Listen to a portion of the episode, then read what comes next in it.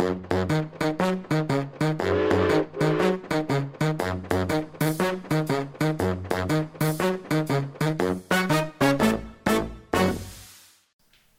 jeg den glede å ønske alle lytterne eh, velkommen til en ny episode i podkasten Ekspedert, som vi sender her fra Narvik museum. Jeg skal være programvert i dag, og jeg heter Jon Framnes. Og vi skal ta for oss et eh, veldig spennende tema innenfor Narviks kulturhistorie. I denne episoden skal vi ta et djupdykk i eh, kan du si, litt mykere verdier ut av våre kulturelle skatter. Godt kjent for noen, men litt for godt gjemt for altfor mange. Dansen står kanskje ikke helt så sentralt i alle sine liv, men mange samler seg foran TV-skjermen på lørdager for å følge med på Skal vi danse-programmer. Andre svinger seg flott i valsen i sosiale sammenkomster, og andre, kanskje som meg, har kanskje gjort oss best som veggpryd. Dagens gjest skal jeg nå introdusere dere for. Hun har levd og ånda for dans i hele sitt liv. Jeg har den glede å ønske Fiona Jane Ellingsen hjertelig velkommen i studio. Ja, tusen takk for det. Hyggelig å være her. Veldig hyggelig å få besøk av eh, deg. Kan du si litt om deg sjøl, så vi blir litt mer kjent med deg? Ja. Du vet, jeg er født i 1955 og um, oppvokst i Australia på et høyfjell skisenter. Jeg giftet meg med en nordmann, og vi flyttet til Melkedal i 1987. Og jeg ble en del av et team som førte dansen inn som del av den kommunale kulturskoletilbudet. Jeg er utdannet ballettpedagog gjennom Bortenvise Danseinstitutt og engelsklærer gjennom Sydney University. Jeg underviste dans i Australia og fra tidlig på 1990-tallet til 2006 ved Narvik kulturskole, hvor jeg også jobbet som musikkprodusent. Men uh, siden, 19, uh, siden, 2006 har jeg vært engelsklærer på gymnaset. Men i dag er jeg pensjonist. Jeg på å si heldigvis. For i eh, rollen som pensjonist så får man kanskje tid til å gjøre ting som man har veldig lyst på å få gjort. Eh, du har nettopp skrevet ferdig manus til ei bok som du kaller for skal, 'Skal vi danse for deg'. Det er historie om den kunstneriske dansen i Narvik. Og spesielt de drivkreftene bak, og ikke minst han Henry Haagensen. Kan du fortelle litt om det prosjektet, og hvordan du ble så interessert i Henry Haagensen? Ja, så gjerne. Vet du, jeg, jeg, jeg tror um jeg tror kanskje tanken om å skrive historien streifet i ubevissthet i 1992, når Henry Haagensen ble tildelt Narviks kulturpris av det som byens ordfører Odd G. Andresen beskrev som enestående og uvurderlig innsats for lokalsamfunnet. I forbindelse med mottakelse av prisen fortalte Henry at han var veldig overrasket over prisen, fordi folk i hans yrke ikke har hatt for vane å få kulturpriser. Og jeg alltid lurte på hva han egentlig mente med dette. Han hadde jo tross alt drevet en ballettskole alene i over 30 år. Han hadde vært et suksessfull personell danser og skuespiller. Hva er det du sier at han, han, eh, at han blir overraska av å få en kulturpris? Eh, hva, har det noe med si, Narvik som industriby og dansen som kulturelt uttrykk i en industriby, og den posisjonen dansen har å gjøre? Ja, det er sikkert er en av årsakene. Men eh, kanskje med et det å være profet i egen by, og kanskje rett og slett levestil, som gjorde det vanskelig å anerkjenne hans betydning for byens kulturliv. Ja. Uh, hans livsstil ja, Prøv å utdype det litt for lytterne. Møtte han uh, motstand med her, lokalsamfunnet? Ja, det kan hende du har rett det, John. For, uh, men når jeg tenker gjennom det, jeg kan tenke kanskje bedre å si rykte og folkesnakk. Mm. For i ettertid har dans tatt et oppgjør med fastlåste holdninger mot mannlige danser, spesielt stereotyper menn i klassisk ballett. Jeg vet at Henry blir utsatt for dette, spesielt Harry Narvik. Helt til den dag i dag er det flere kilder. Alle disse menn vokste opp i Narvik. som har sterk fokus på dette, og ikke på den kunstneriske verdien av Henrys virksomhet. Du vet, Henry levde for jobben, og han var jo svart privat. Og egentlig så hadde han det godt med seg sjøl. Når du setter deg ned og jobber med ei bok og et manus, eh, og skal gå deg inn i andre personer sitt liv og virkelighet, hva, hva har du lært og oppdaga underveis når du har jobba med dette prosjektet? Ja, kort sagt svart mye. Mm -hmm. Men da, underveis i arbeidet har jeg fått en dypere innsikt om hva det har betydd for kulturlivet. Og hvilket enorm drivkraft et enkelt menneske kan ha. Eh, det er ganske omfangsrik bok. Jeg har jo fått sett igjennom det du har skrevet. Og, eh, men har du hatt eh, andre du har samarbeidet med andre aktører som har vært ja, med men, i bidratt i prosjektet? Vet du, du klarer ikke et så stort prosjekt alene. Både historieprofessor Oddvar Svendsen og musikkprofessor Harald Hardestad har gitt betydelig faglig innspill. Likeså Tone Vestland og daglig leder ved Danseinformasjonen Sigrid Øvre Svenda har vært viktige støttespillere. Og så vet du, Når jeg jobber med historiske kilder, har jeg som mål å søke sannheten om hvordan det var før. Men det vil alltid være flere ulike tolkninger av historien. Og, men for å fortelle en historie man må man tolke det og til slutt ta et valg. Mm. Og valget er tatt basert på mange forskjellige kilder. Og det jeg har brukt, er aviser, bøker og visuelle kilder som filmer, programmer og bilder og intervjuer med tidligere elever og andre, for å få en helhetlig forståelse av historien og livet til Henry. Fordi det er få mennesker igjen som levde der, som kan fortelle oss hvordan det var. Heldigvis har vi Kishen Lian, som var en elev av Haagensen, og tok over skolen i 1982. Hun har vært en fantastisk kilde, og likeså Grete Væring, Aud Lyngren og Ingrid Sørås. Eh, forresten, historien om Kirsten ballettskole var også i boken.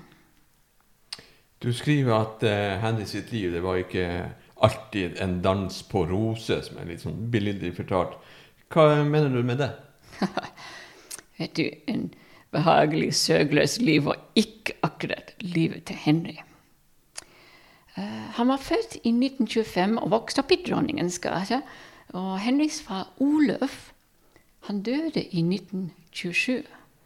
Og så Da Henrik var bare to år gammel, når han og hans fire brødre ble farløse uh, Henriks mor Petra uh, du vet, hun hadde ikke råd til å gi guttene en utdannelse. Men vet du, det å bli enkelt med en stor barneflokk i de dager var bare et spørsmål om å holde det gående, og ikke om å drømme hva guttene skulle bli. Uh, og faktisk, det var jo sånn at i starten uh, var ikke Petra særlig glad for at Henry viste interesse for dans og teater. Men seinere var hun stolt av han. Og Haagensen han gikk i lære hos Gunvor Bjørhus som var pioneren for balletten i Narvik. Og hos Jodes Ellefsen, som inkluderte dans i gymnastikktimene hennes. Og det er sikkert mange lyttere som husker uh, henne. Mm. I den såkalte mellomkrigstida er han født i 27. Eh, 25 var det han var født, ja. 1925. 1925 ja. han var født, ja. Og ja. kanskje var mange andre ting å tenke på og fokusere på enn akkurat å drive på med dans. Eh, men du skriver at han, hans ønske var å danse og opptre, og at det, det her behovet man kan si det kom tidlig. Ja, vet du han Henry vokste opp under glanstida til Fred Astaire. Og han ble betatt av Hollywood-filmer. Men det er kjempevanskelig å bli en god danser. Og I tillegg trenger du å se andre dansere opptre for å forstå at det er mulig å oppnå. Så Henry var bare elleve år gammel når han begynte med stepping, faktisk. Uh, I mange år var han med i Narvik Velds teaterlags forestillingene på Losjen. På den tida var det mye stepping i numrene. Og det var særlig disse som tiltalte han. Eh, men i starten hadde han mest lyst å drive med teater. Mm. Men det var ikke lett å få kunnskap om teater når man bodde langt under teaterskole og teaterscener. Du, du, nevner det her med med å være eh, drivkraft, at han, Henry hadde en drivkraft for å drive på med det her. Jeg er litt fascinert av akkurat det er folk som har så enorm drivkraft, og kanskje spesielt med folk som driver på med ting som ikke helt eh, A4 innafor de kan vi si, rammene som Narvik var, da, med jernbane og bordlaget og fotball og ishockey på den tida. Eh, kan du si liksom om det her? Hva er det slags krefter som driver folk på det viset? Ja, Hvis jeg forstår din spørsmål riktig, mm -hmm. så, så, er du litt fascinert av drivkrefter eh, for en som har brukt hele livet til å utvikle dansen i en by som stort sett har vært preget av harde verdier. Mm. Og det syns jeg er et flott spørsmål. Uh, Henry sa en gang når en ung gutt drømmer om å bli flykaptein, cowboy eller fotballproff, da sier han det i verste fall bare til sin beste kamerat. Men når en gutt går og drømmer om å bli ballettdanser, da holder det han for seg sjøl. For ingen ville forstå det uansett. Og det som kanskje var Henrys utfordring, var at han var begavet i mange områder. Han var jo scenegraf, han var lysmester, han var kostymtegner, en koreograf. Og eh, de fleste av disse yrkene er og var dårlig betalt. Og dermed hadde han lite penger i perioder, spesielt i Oslo, hvor han ofte levde på sultenivå. Og dette var jo faktisk dilemmaet for unge menn som ønsker å danse på denne tiden, spesielt her i en liten samfunn som Narvik, som du sier har vært preget av harde verdier. Som jeg forstår, så fikk han ikke noe særlig hjelp hjemmefra, eller støtte hjemmefra økonomisk. Men han dro allikevel fra Narvik eh, rett etter andre verdenskrig. Og hva var det som motiverte han til eh, å dra fra byen og til Oslo? Var det ikke det han dro? Ja, det har du rett. Um, jeg tror den enkleste svaret på det er at han ønsker å oppsøke et miljø som elsker teater og dans. Han var 20 år gammel når han bestemte seg for å satse på dans og teater. Uh, I Oslo ble han utdannet hos Trygve Normann og Gerd Kjølås. Og I tillegg studerte han i England og Tyskland. Samtidig tok han sangundervisningstime hos Elisabeth Munthe Kaas fordi han trengte sang i noen roller. Og han var faktisk med på starten av nynorsk ballett. Så vidt jeg har forstått, så var det vanskelig nok å være nordlending i Oslo på denne tida. Det å få skaffe seg hybel var, var, en prøvelse, bare det. Men her var det en mannlig danser fra Nord-Norge som kom til Oslo. Fortell litt hva han møtte der nede i storbyen. Altså, jeg tror kanskje han, Henry gikk med mange drømmer, og mm. kanskje mye av det var urealistisk i ettertid. Men um, når han kom til nynorsk ballett, så landa han på den plassen han syntes var jo mest spennende.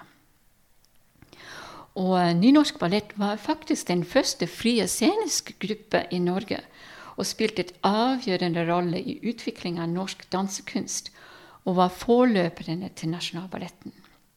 Han var med i deres forestilling om sommeren på Folkemuseet og på flere turneer, både i Norge og med Riksteatret, og til England. På turneen til England var Henny overveldet over hvor mange som viste hva jobben som ballettdanser gikk ut på.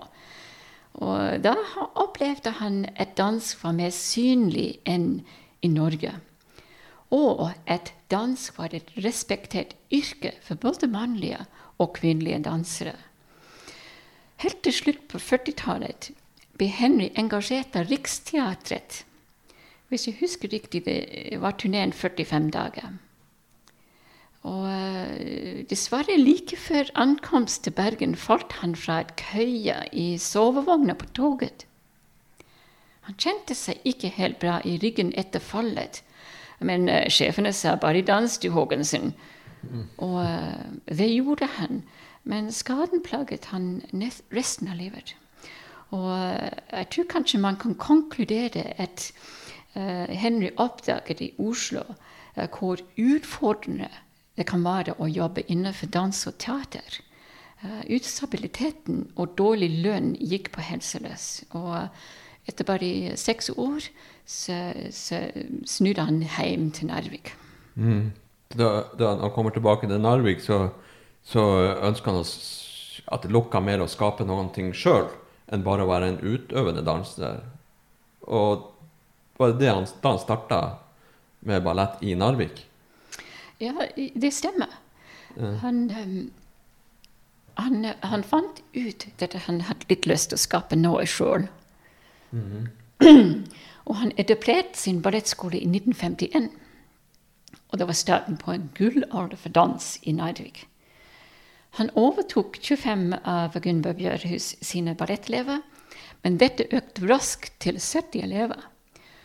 Eh, Første dansoppvisningen var våren 1952 på Håkonshallen. En annen grunn var at han fikk hovedrolle i Narvik Velds teaterlags Vi stoler på deg, Chris. Eh, Det var tidlig i 1951. Og Henry eh, faktisk gjorde suksess i Narvik, men eh, du vet, han hadde lyst å studere mer. Og bare tre år senere dro han tilbake til Oslo i håp om å komme inn på teaterskolen. Og han kom inn på teaterskolen, og hvem, hvem jobba han sammen med der? Ja, faktisk, han kom ikke dessverre inn på teaterskolen. Ja, Eh, Det han fikk egentlig, var et jobb under um, som assistent til Arne Valentin. Og uten at jeg nå eh, vet kan så veldig mye ut men jeg skjønner at Valentin, Arne Valentin han var en betydelig scenograf for Det Norske Teater i, under hele sin karriere. Og for en Narvik-gutt må det jo ha vært eh, ganske inspirerende å jobbe med sånne kapasiteter innenfor scenekunst. Ja, det er sant. Um, I boka så, så Du har riktig. Jeg snakker litt grann om um, den periode i Henrys liv som vi kan bare beskrive som helt utrolig bra for Henry, for han lærte masse. Og han var så heldig å komme til Arne Valentin. Uh, og han, Arne uh, Valentin var svært allsidig både når det gjaldt sjangere og hvordan han løste oppgaven. Jeg tror kanskje det var årsaken til at Henry ble så allsidig, at han fikk den anledning til å, å lære fra et, et så stor mester. Og under Valentina også Snorre Tindberg, Henry utviklet seg som en kulissemaler, scenograf, lysmester og kostymetegner. Ja, Og så eh, sier du at eh, den, den reisen til Bergen, at han skada seg i, i ryggen. Eh, og han slutta sjøl som utøvende danser. Her. Eh, Man kan si han sluttet som profesjonell danser sånn fulltid. Okay. Men uh, når han kommer tilbake til Oslo, selvfølgelig, han kommer tilbake i det samme nynorsk ballettmiljøet. Og um, selv om han danset mindre og jobbet mest på Det Norske Teatret, så var Edis Roger koreograf på Det Norske Teatret. Og um, i eh, 1955 overtalte hun eh, ham til å gjenoppta dansingen. Og eh, fordi den som hadde hovedrolle i Kullbergs ballett Madea på Det Norske Ballett, hadde brukket armen. Og på bare seks timers varsel måtte Henry hoppe inn og overta. I dette stykket var det en særdeles krevende avslutningsscene med mange tunge løft.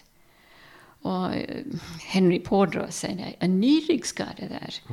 Og, eh, men noen ganger tok han tilfeldig jobber som var litt lettere enn akkurat det med, med klassisk ballett. Og eh, som frilansere og steppet inn hvis dansere ble syke eller sviktet.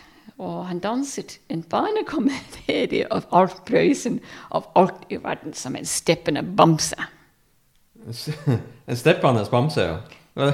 Det skulle vi gjerne likt å sett det. ja. Meg òg. Men du vet, det fins ikke noen opptak av Henry.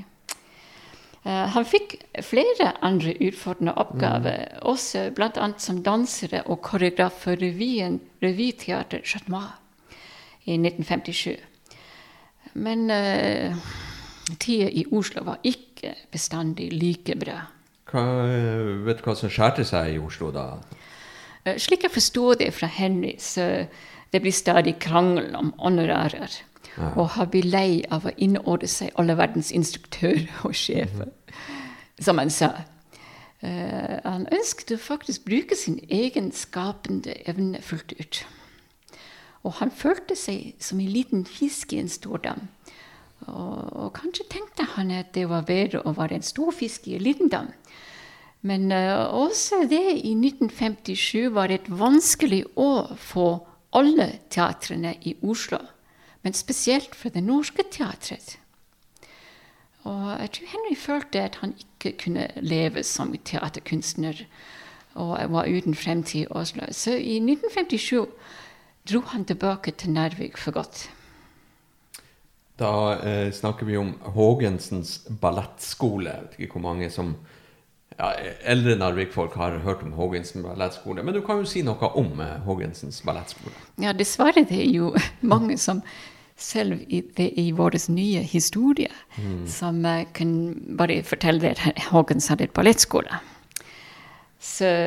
men uh, Henry var mer enn det. Henry uh, gjenåpnet sin skole høsten 1957.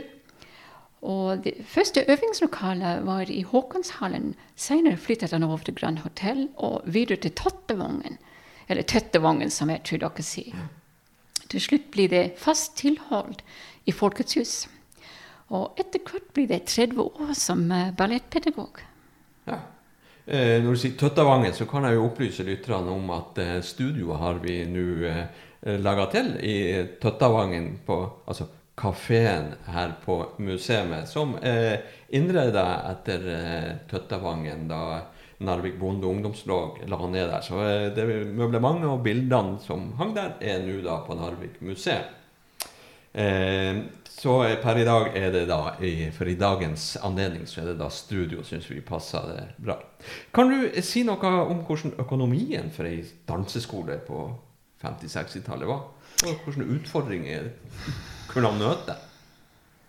Altså, Vi kan bare si at han møter akkurat det samme som alle privatskoler i Norge mm. omtrent på den tida. Uh, og um, det var jo faktisk en vanskelig oppgave å holde det gående. Og um, av og til sier Henry Haagensen lei av å drive den. For å leve må man som kjent ha penger.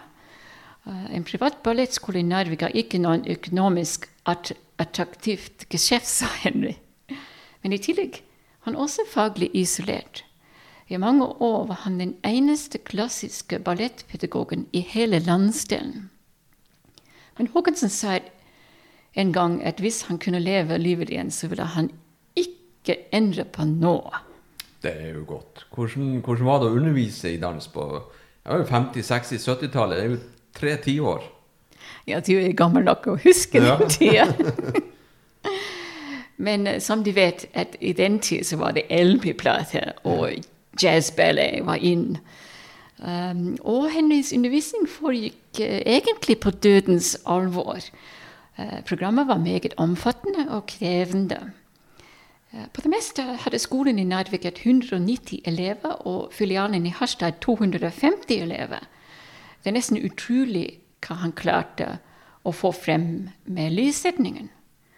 Han uh, tryllet frem de vakreste kulisser og dekorasjoner uh, på sin årlige oppvisning. Men yrket ble ikke ansett, ansett som respektert. Uh, og det blir Henry minnet om på flere ganger når han fikk spørsmål av typen 'Nå skal du begynne å jobbe, Henry'. Mm -hmm. Du nevnte innledningsvis om kildene. Hva sa elevene om han Henry? Jeg har faktisk intervjuet ganske mange av dem. Mm. Både de som uh, var på en tidlig fase i skolen, og de som nettopp uh, var jo mot slutten. Men det som er felles for alle, er at de husker han som en karismatisk, men streng lærer. Og om høyt stressnivå for forestillinga. Og når han forteller om blødende tær fra tåspisskoene men de sa til meg at det bare fylte bomull mellom tærne og sa ingenting.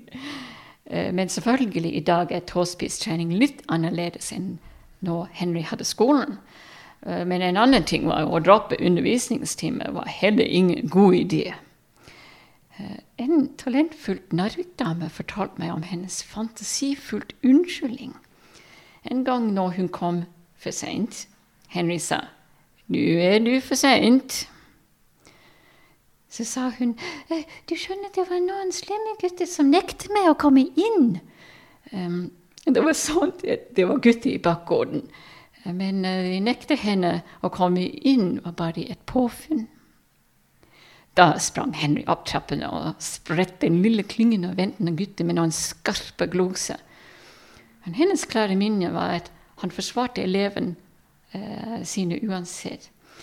Og en annen dame som var litt eldre enn akkurat denne uh, Narvik talentfull dame, fortalte meg at Henry hadde et svært god sens for humør. Og en gang når han demonstrerte et Grand Plié, ble Henry irritert over hennes hysteriske fnising.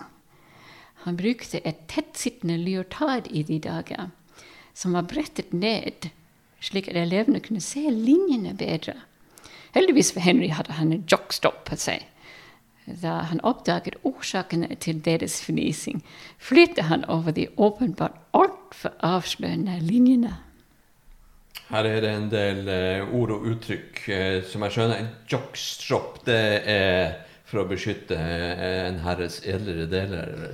Suspensorium, som er kanskje bedre kjent. Eller en susp. en plié og grand Batemont, ba battement er det fransk, det her? Kan du forklare oss litt? Grann? Jeg, hører, jeg hører du aldri var i ballettklasse, Dion. Det. det er flott trening. Jeg kan anbefale det. Mm. Men det er mange som sliter med, med det franske uttrykk. Og selvfølgelig det ordet plié uh, betyr å bøye. Også det som er jo morsomt med det her, er at når Henry bøyde sine bein langt ned mot gulvet, mm -hmm. så fikk elevene se eh, litt i overkant mye av det de ikke skulle se. Og selvfølgelig grand battement er når dansen løfter det ene bein høyt til værs, gjennom over 90 graders vinkel. De fleste av oss klarer ikke det. Du må til ballett for å klare akkurat det. Vi skal prøve ettersendinga, Fiona. Eh, eh, folk flest som ikke har fått eh, erfare hva ballettskoler betyr, eh, syns kanskje at ballett er noe ordentlig tøv. Ja, det har jeg hørt mange ganger. Mm. Men eh, det faktisk glemmer et viktig poeng, og det er at dans er en kunst. Uh, og når vi tenker på Henry, så krav til respekt og disiplin var noe han tok med seg i sin undervisning. Uh, som det eneste ballettlærer i regionen la hele tyngden av skolens overlevelse på skulderen hans. Han gjorde alt sjøl på scenen. -hmm. Han styrte teppet, kulisser, musikken, hadde regi. Og til og med hentet eleven og tok dem ned og inn til scenen. Stemmer det at uh, stort sett alle jentene i Narvik var innom Hovinsens ballettskole i løpet av oppveksten Ja, det er det som de sier til meg, um, og er sikkert riktig. Det sto at i alt hadde han over 2000 elever. Det kanskje ikke høres mange, men det er jo faktisk fruktelig mye for en privat mhm. ballettskole. Og samtidig så hadde han sju grupper, som kanskje ikke høres heller veldig mye, men i snitt så ville et vanlig ballettpedagog i dag har halvparten av det.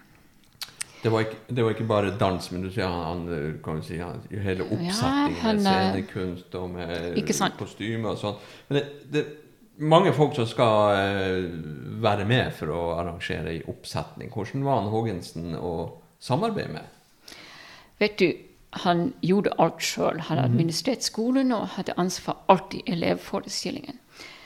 Um, og tidlig på 90-60-tallet var skolen svært populær og respektert.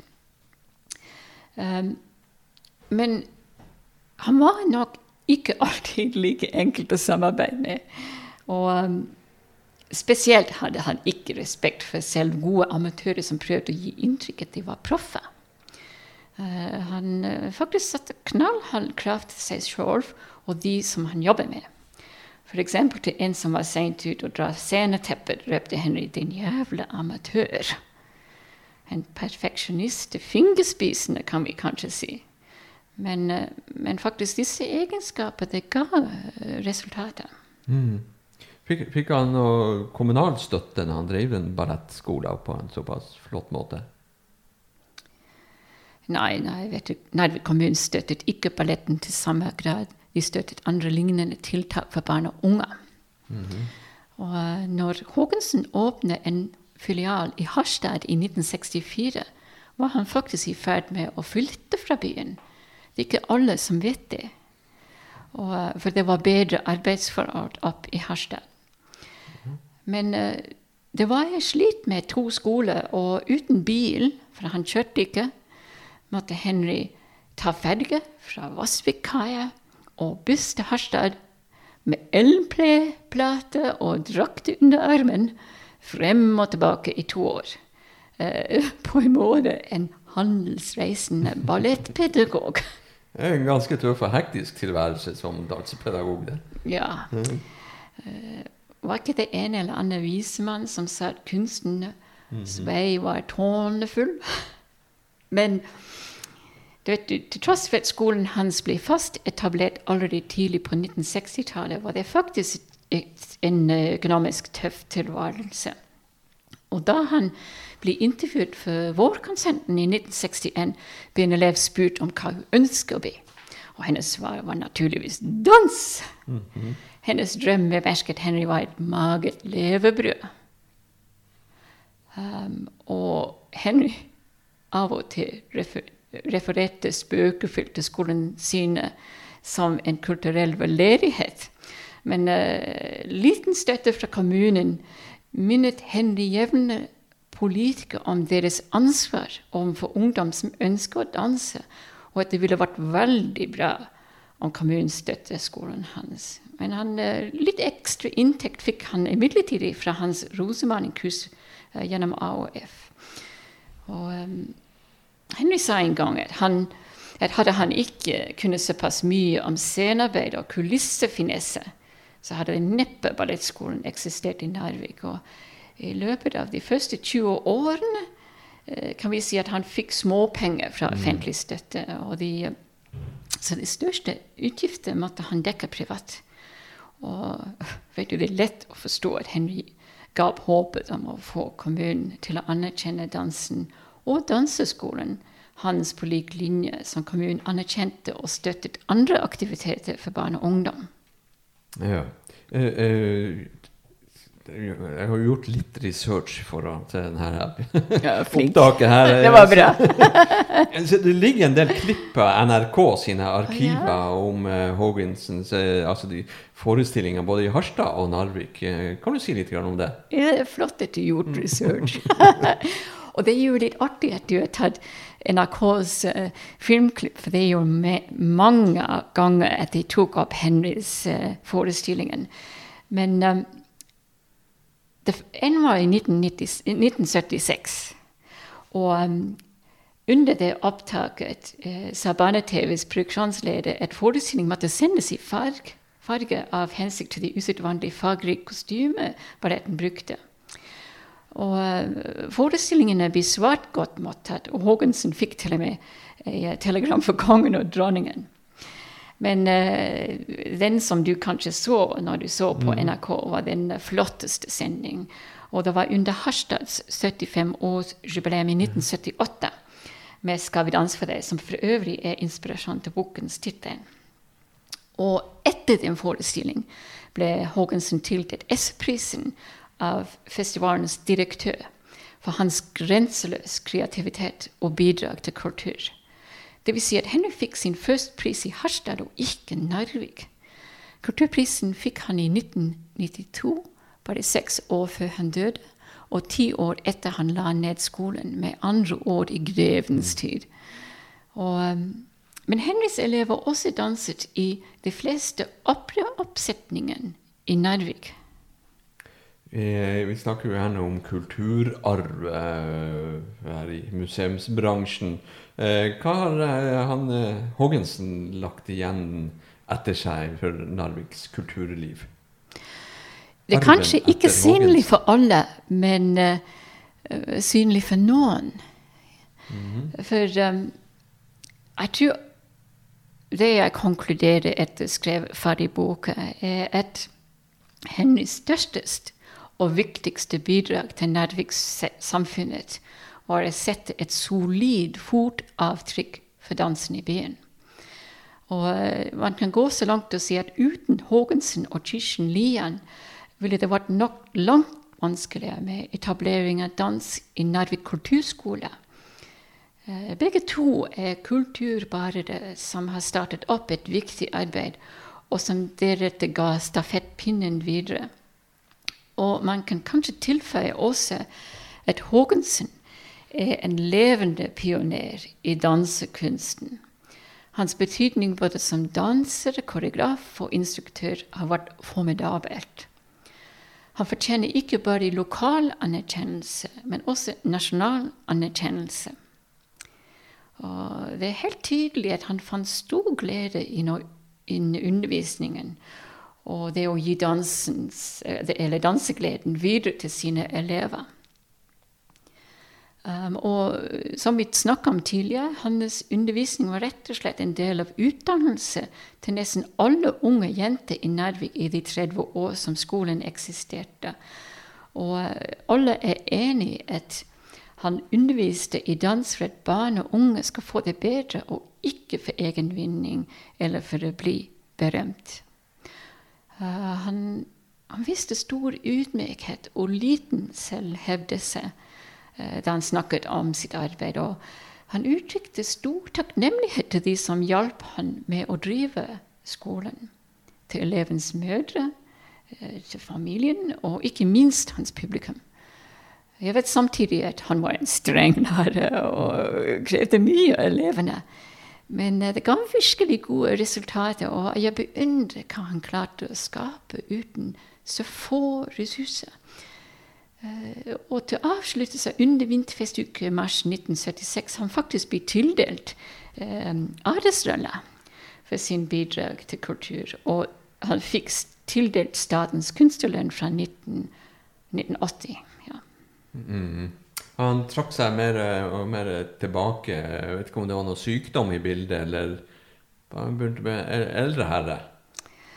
Ja Vet du, du hører han var litt stresset tidlig, men uh, Henry dessverre hadde hjerteproblemer. Mm -hmm. Og etter en operaoppsetning mars 1999 fikk Henry hjerteproblemer og havnet på sykehuset. Og uh, bare 74 år gammel døde han. Og han er gravlagt her i Narvik. Ja. Det er jo trist. Eh, men jeg vet ikke om historia eh, slutter der. Eh, var det noen som overtok etter han Henry etter han eh, slutta å undervise? Ja, det er et flott spørsmål. For det er ikke bare å poppe opp et ny ballettlærer i ny og ne. Uh, ja, det er riktig. Det er ikke alltid noen som bare dukker opp og med den drivkraften og vilje til å ofre livet til dans som vi snakket om tidligere. Men heldigvis hadde Narvik igjen, som hadde evne og drivkraft til å overta det viktige arbeidet han hadde begynt på. Og Kirsten, som jeg nevnte tidligere, var en tidlig elev av Henry. Og um, hun førte arbeidet hans videre, naturligvis med sin egen måte og tilpasningen. Men man kan kanskje si at hadde det ikke vært for Bjørhus og uh, Henry, så hadde det ikke nok vært en Kirsten Lian som overtok. Og hadde det ikke vært for Kirsten, så hadde det vært langt vanskeligere for oss å få etablert danseopplæring i Narvik kulturskole. Så det er så viktig med sånne kulturpersoner som starter, og som gir stafettpinnen videre. Men det må være noen som tar imot stafettpinnen Heldigvis var Kirsten der. Og nå er det Narvik kulturskole som har tatt stafettpinnen videre. Jeg håper bare at de tar godt vare på denne kulturarven og fører den videre. Ja, vi har jo her på museet har jo hatt gleden ut av eh, dansere fra kulturskolene. Alex som er her og gjør danseoppvisninger i, eh, i lag med oss. Eh, manuset til boka her eh, Når de tror du boka blir publisert? Får vi trykt den opp på, både på norsk og engelsk? Ja. Men jeg skal først si at Alex er jo fantastisk mm. ballettpedagog på Narvik kulturskole fra England opprinnelig. Og um, han er også en av de kilder til boken, men okay. mest på den vision i fremtida. Hvordan hvilken vei vil kulturskole gå med dansen i fremtida. Driver veldig mye med musikaler, og han uh, har et fordypningskurs nå som, som, er på uh, musikaler. Han har et show til jul som uh, vi skal promotere litt for Alex, okay. som skal være jul, sånn julemusikal. Men du spurte om boken mm. og publisering. Vet du, det er jo ofte et sånn eh, dans, og spesielt danshistorie, ramler ofte mellom alle stoler. Og eh, selv om et bok er klar til trykking så, eh, hos lokalbedriften Nortric, er det ikke fullfinansiert. Jeg har søkt flere instanser og venter på svar. Og jeg tenker meg her at det ville vært oppsiktsvekkende hvis ingen er villig til å støtte denne viktige lokal kulturhistorien. Men uh, jeg må få, takke så veldig mye uh, Narvik-museet for støtte, økonomisk støtte som du har gitt prosjektet mitt. Når boken er ferdig trykket, um, til, vil det arrangeres boklansering på Narvik bibliotek. Det er jo hyggelig det, Fiona. Takk for støtten. Det, det skulle blott bare mangle. Det her er jeg har fått satt meg inn i det her, og husker jo Haagensen fra min, min, tid som barn og ungdom i Narvik, så, så, er det jo et, virkelig en kulturskatt du har tatt tak i og fått. Eh, kanskje ikke mellom to faste permer ennå, men det er jo et fantastisk manus du har skrevet til, til ei god bok, og som vi må få gitt ut. Siste spørsmål det her med dans. Hva er det som er så viktig med dans? Ja, Det var jo flott du spør det. For da får jeg snakke på vegne av meg mhm. sjøl litt. Ikke sant? Vær så god. ja, da, for jeg er dansepedagog og har litt mening om hvordan dans er. Og takk for det ros for, for, boken, men jeg virkelig håper det kom gjennom to permer.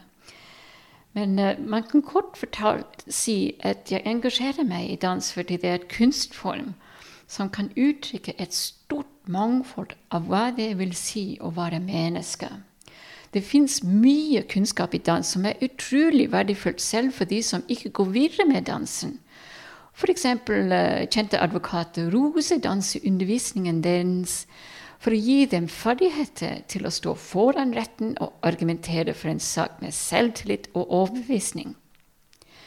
Og eh, det at vi lever i en tid med nedgang i fellesskap og personlig kontakt, eh, det er for dans og kunst generelt enda viktigere for vår helse, selvtillit, livserfaring og uh, kreativitet. Uh, og dans er ikke et useriøst tidsfred, det skal vi bare konstatere. Mhm. Den er en kunst og internasjonalt språk som må få et større posisjon i samfunnet. Rett og slett en forbedring i hele infrastrukturen. Og det må gjenspeile hele bredden i dagens samfunn.